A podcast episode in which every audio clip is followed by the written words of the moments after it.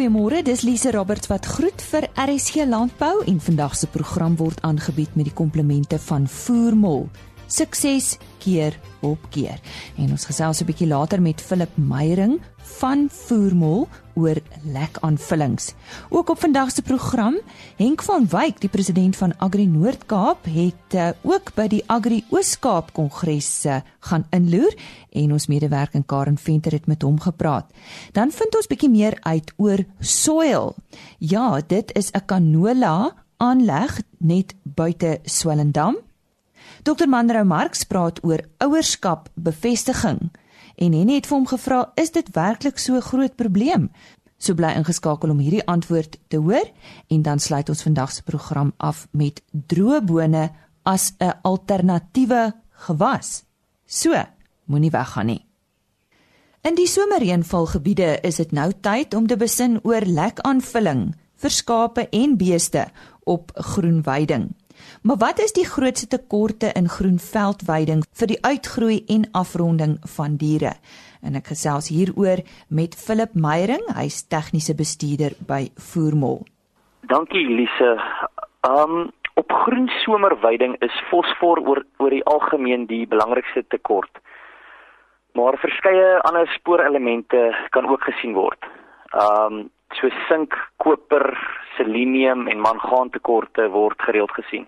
Uh watter minerale supplemente vir beeste, skape en bokke vul hierdie tekorte aan en verseker dat die potensiaal vir veldweiding ontsluit word?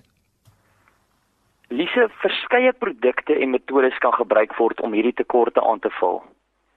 Da die klaargemengde superfos, klaargemengde Roomewite P6 en die minerale lekkonsentraat P12 bevorder groei en reproduksie baie suksesvol op groenweiding.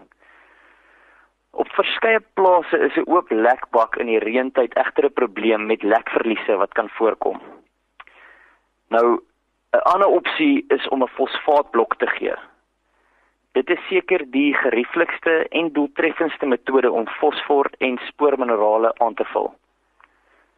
Wat 'n fosfaatblok lekker maak, is dat dit dadelik gereed is om gevoer te word. Dit is in 'n groot mate reënbestand en daar is baie min lekverlies veral in die reenseisoen. As jy byvoorbeeld genoeg fosfaatblokke uitsit vir 14 dae en dit word gouer opgevreet, is dit nie 'n probleem nie, aangesien minerale in die liggaam geberg kan word. As daar genoeg aan die begin uitgesit was, sal die dier vir 'n paar dae sonder die lek kan klaarkom. Die inname van minerale lekke is tussen 100 en 200 gram uh, per bees per dag en vir skape is dit omtrent tussen 20 en 35 gram per dag. Hoe kan groei dan verder verhoog word, eh, Philip? Wel, groei kan verder verhoog word deur die gebruik van 'n energieaanvulling. Dit is egter baie belangrik dat dit net oorweeg word as 'n aanvulling tot voldoende goeie kwaliteit groenweiding. Energieaanvullingsprodukte is produkte soos Supermol, Energieblok en Mollewite. Hierdie produkte is spesiaal ontwikkel om voedingstekorte op groenweidings aan te vul en dit word aanbeveel vir diere met 'n hoë voedingsbehoefte, soos byvoorbeeld speenkalvers of eerste kalfverse.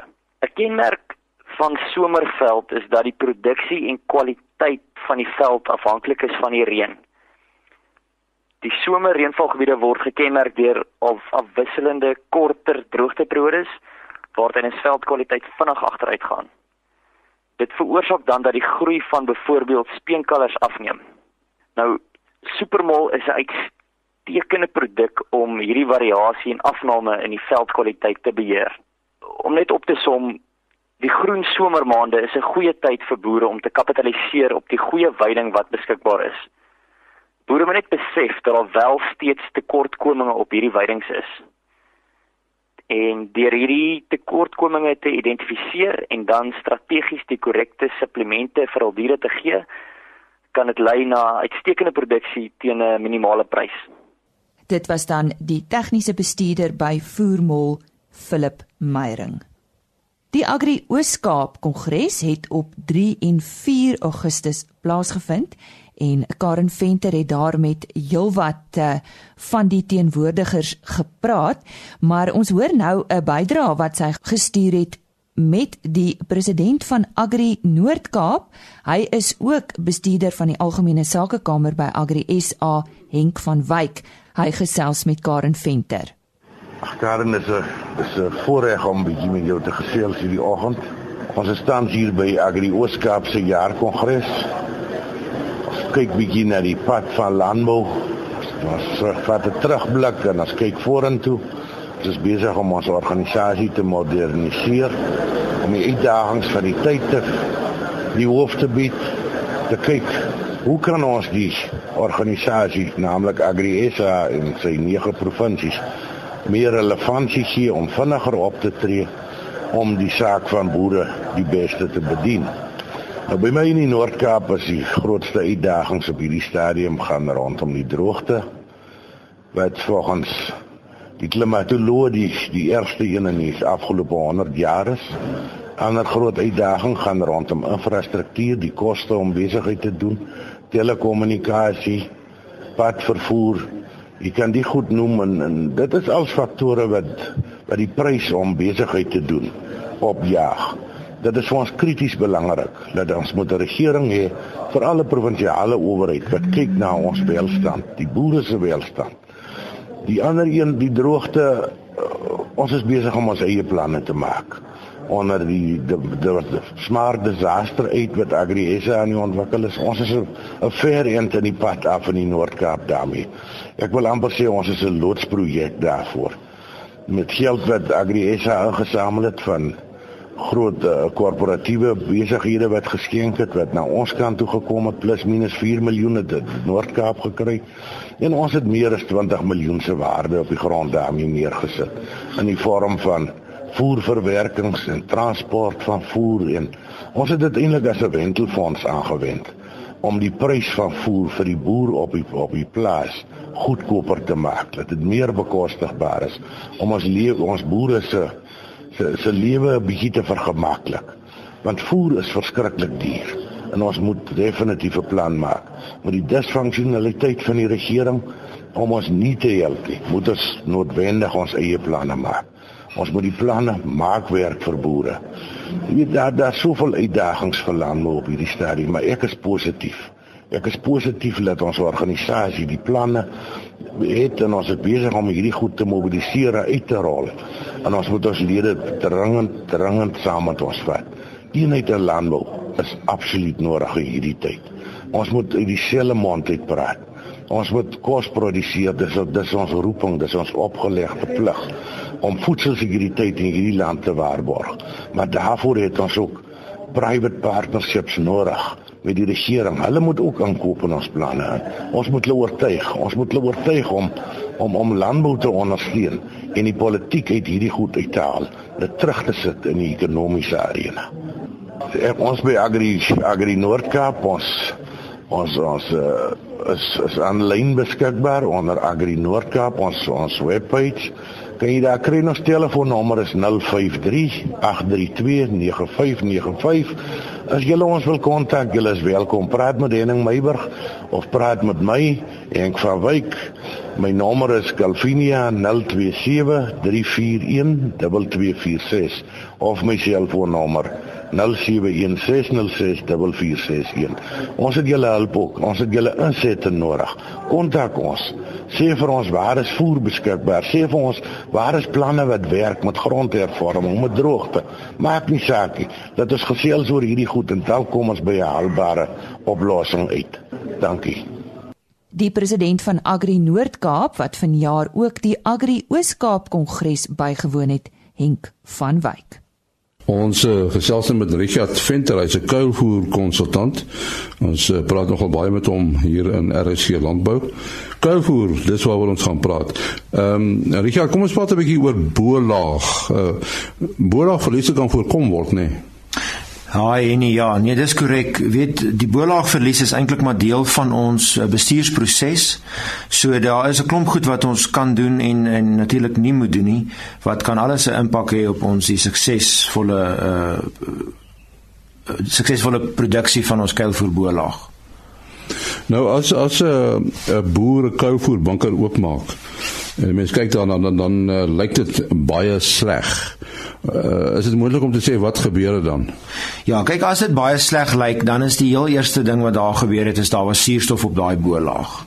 Nou suurstof weet ons is die uh, vyand van kuilvoer en uh, wat dan basies gebeur het is daar's of, of te min kompaksie gewees aan die begin van die kuilvoermaakproses, met ander woorde die suurstof was nie suksesvol verwyder nie of daai seile wat natuurlik op die kuilvoer gesit word om die suurstof af te seël, was dalk los of het opgewaai of het dalk gate in met beskadiging en dit alles lei tot suurstof op die bo-laag wat dan tot verliese lei.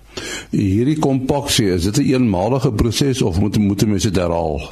Nee, die kompaksie is eenmalig. Dit doen ons tydens die kuilvoermaak of die inkeiling proses en dit is baie belangrik om te onthou dat kompaksie kan jy nooit oordoen nie. Jy kan regtig altyd ekstra moeite doen met kompaksie en jy sal die resultaat terugkry in kwaliteit.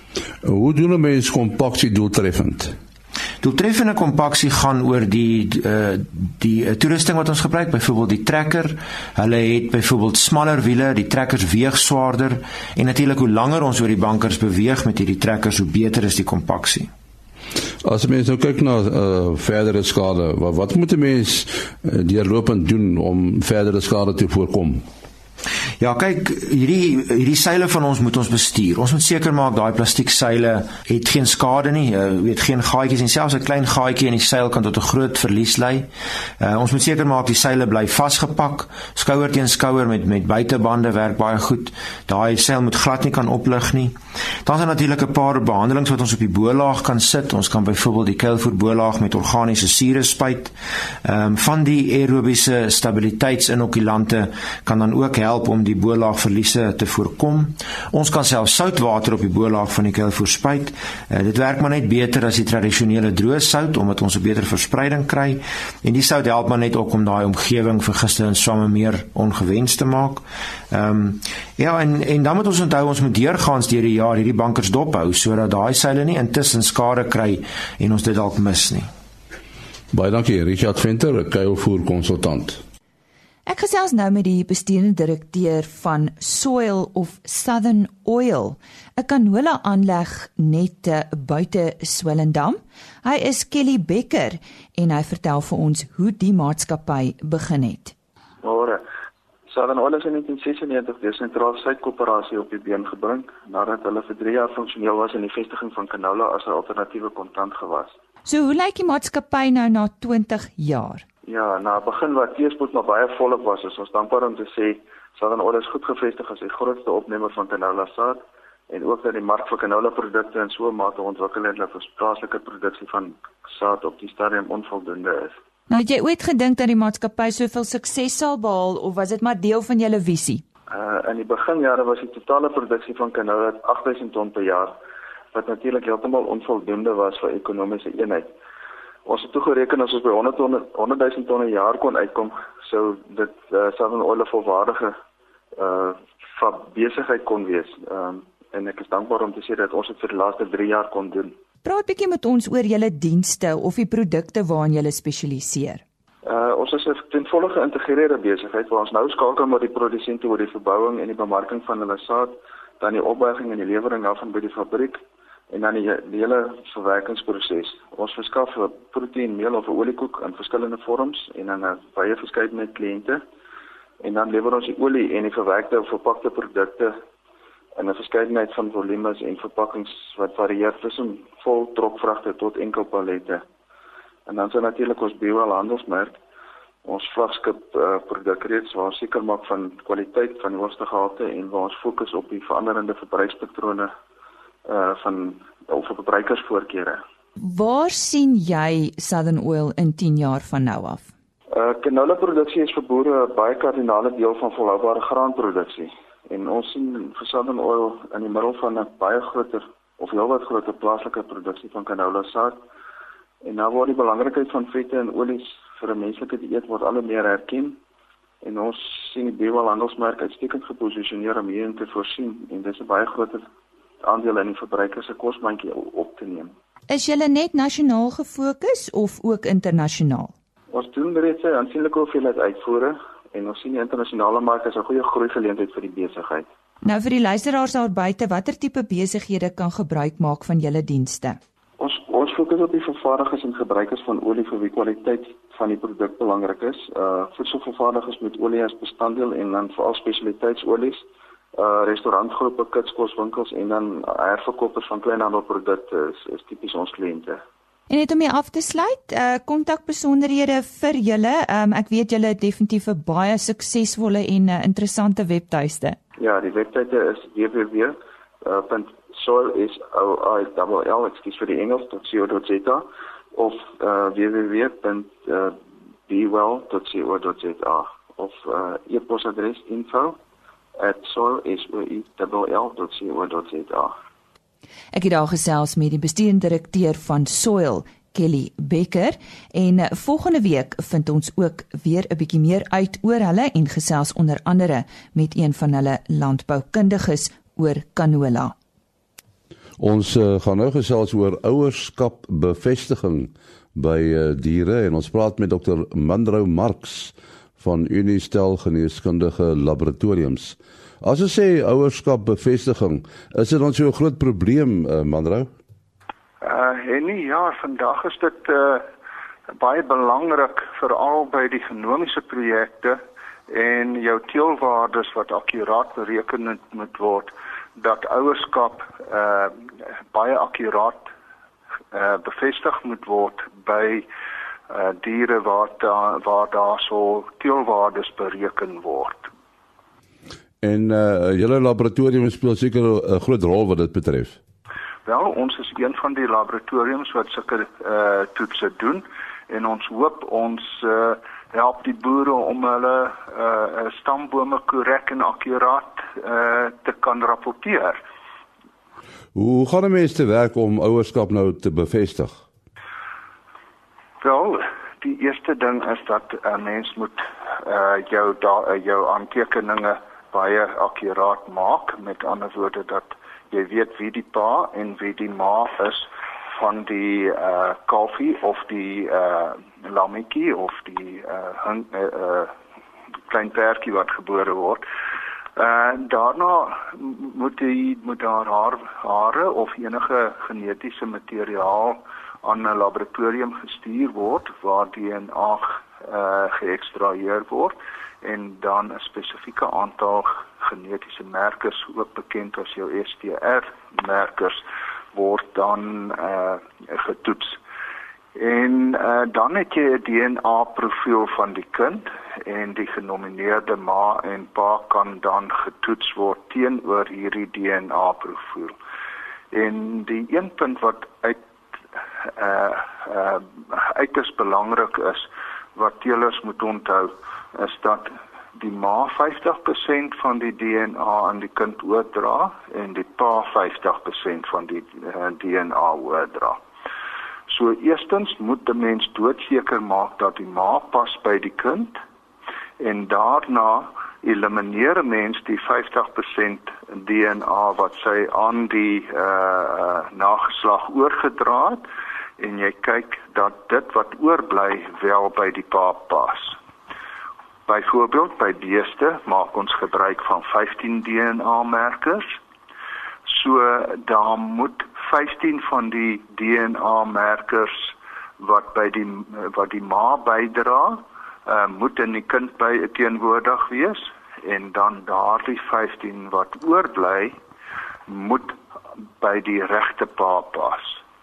Ongelukkig moet dit 100% passing wees en uh uh 14 uit 15 of uh uh 13 uit 15 is nie goed genoeg nie. Uh jy is of die korrekte biologiese pa of jy's nie die pa nie. As 'n mens nou so luister na die aktiwiteite van 'n boer, wat hy alles moet kan doen. Hy is aan die een kant 'n finansiële bestuurder, hy's 'n landbouer En nou dink ek my moet hy moet amper nou 'n genetikus wees. Is dit 'n baie gesofistikeerde proses om al hierdie dinge in te samel sodat jy daarna kan kyk? Nee, wat eh uh, nee, dit is 'n baie eenvoudige proses. Wanneer 'n mens jou beeste in die drukgang het, eh uh, trek maar net 'n klompie stertare uit. Hulle kom baie maklik van die klos van die stert, trek hulle teen die groei uit en hulle kom baie maklik uit. Plaas hulle in 'n koevert uh teken aan presies wat die watter uh, beeste dit is of uh dier dit is sodat dit en en uh, sodat jy dit kan identifiseer en dan kan jy daardie monsters net in die pos of per koerier na die laboratorium stuur waar hulle verwerk sal word.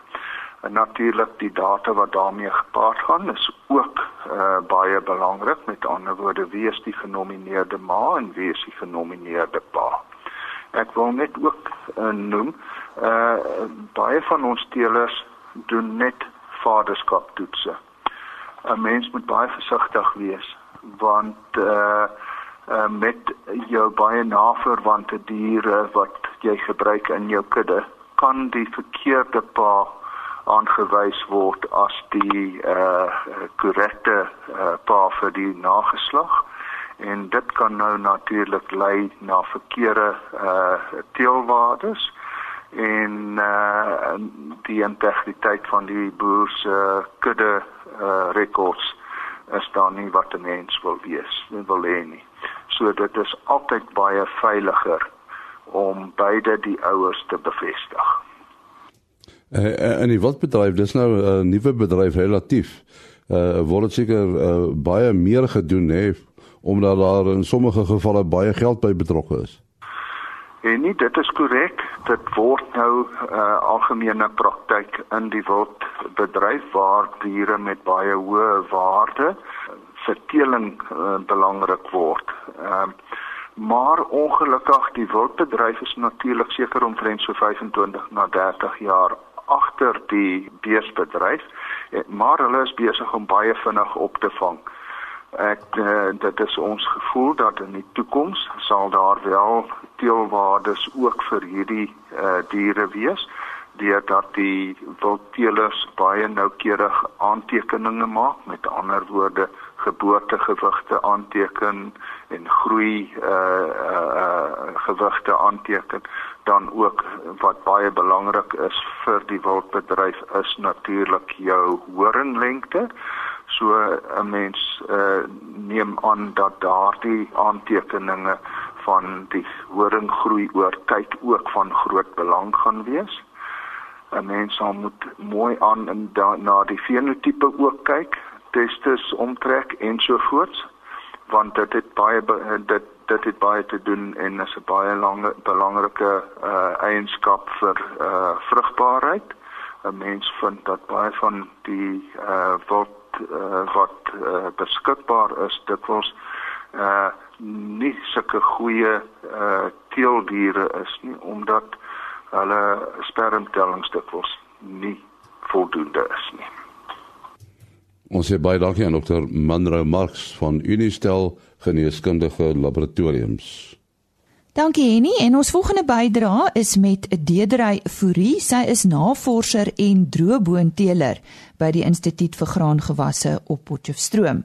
Sy gee raad oor droëbone as 'n wisselbou gewas. Ehm um, Modelisa. Ja, bone um, is een van die is, is 'n baie belangrike wisselbou gewas. Ehm um, as ons kyk, eerstens kry produsent altyd 'n goeie prys vir bone en die pryse is gewoonlik redelik stabiel.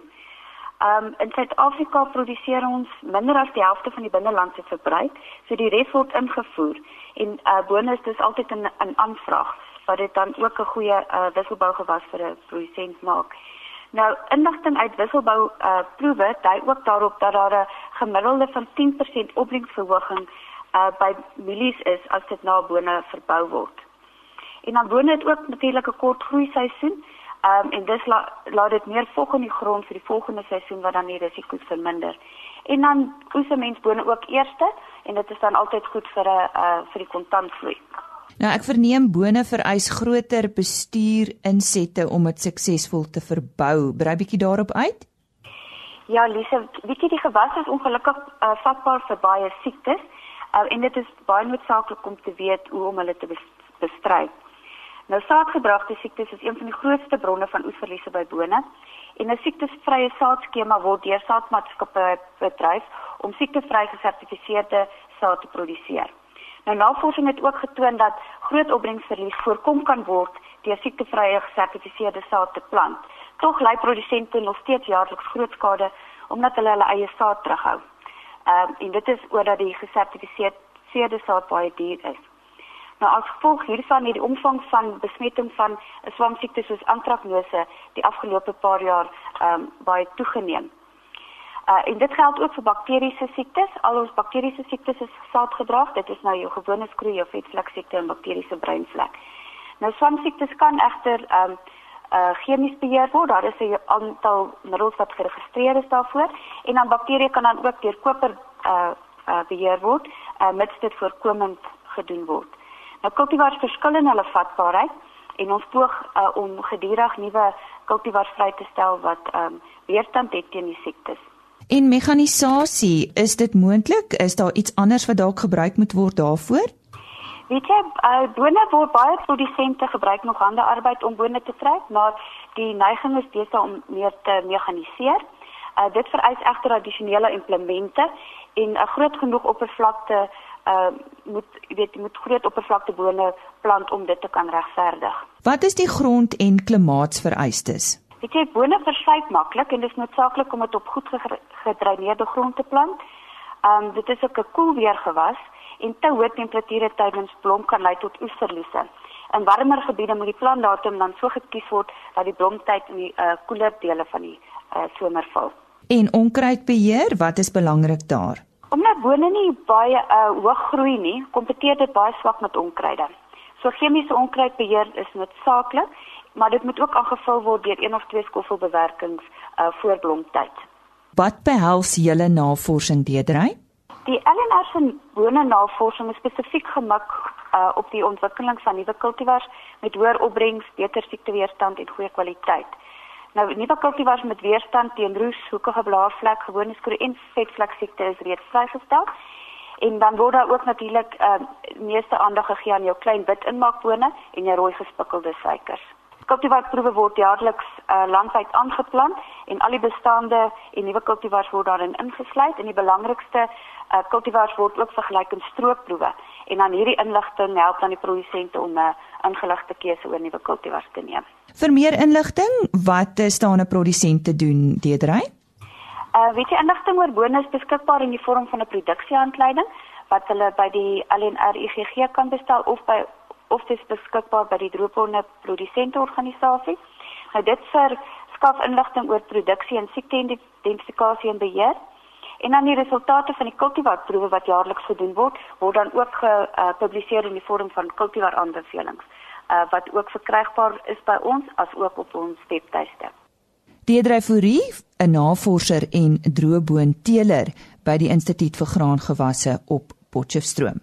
Ons gesels weer môreoggend met u onder andere dan weer weer waarhede met Johan van der Berg. So ons sien uit daarna. Vandag se program is aangebied met die komplimente van Voormol. Sukses keer op keer. Totsiens. RSG Landbou is 'n produksie van Blast Publishing. Produksieregisseur Henny Maas. Aanbieding Lisa Roberts en 'n notas koördineerder Jolande Rooi.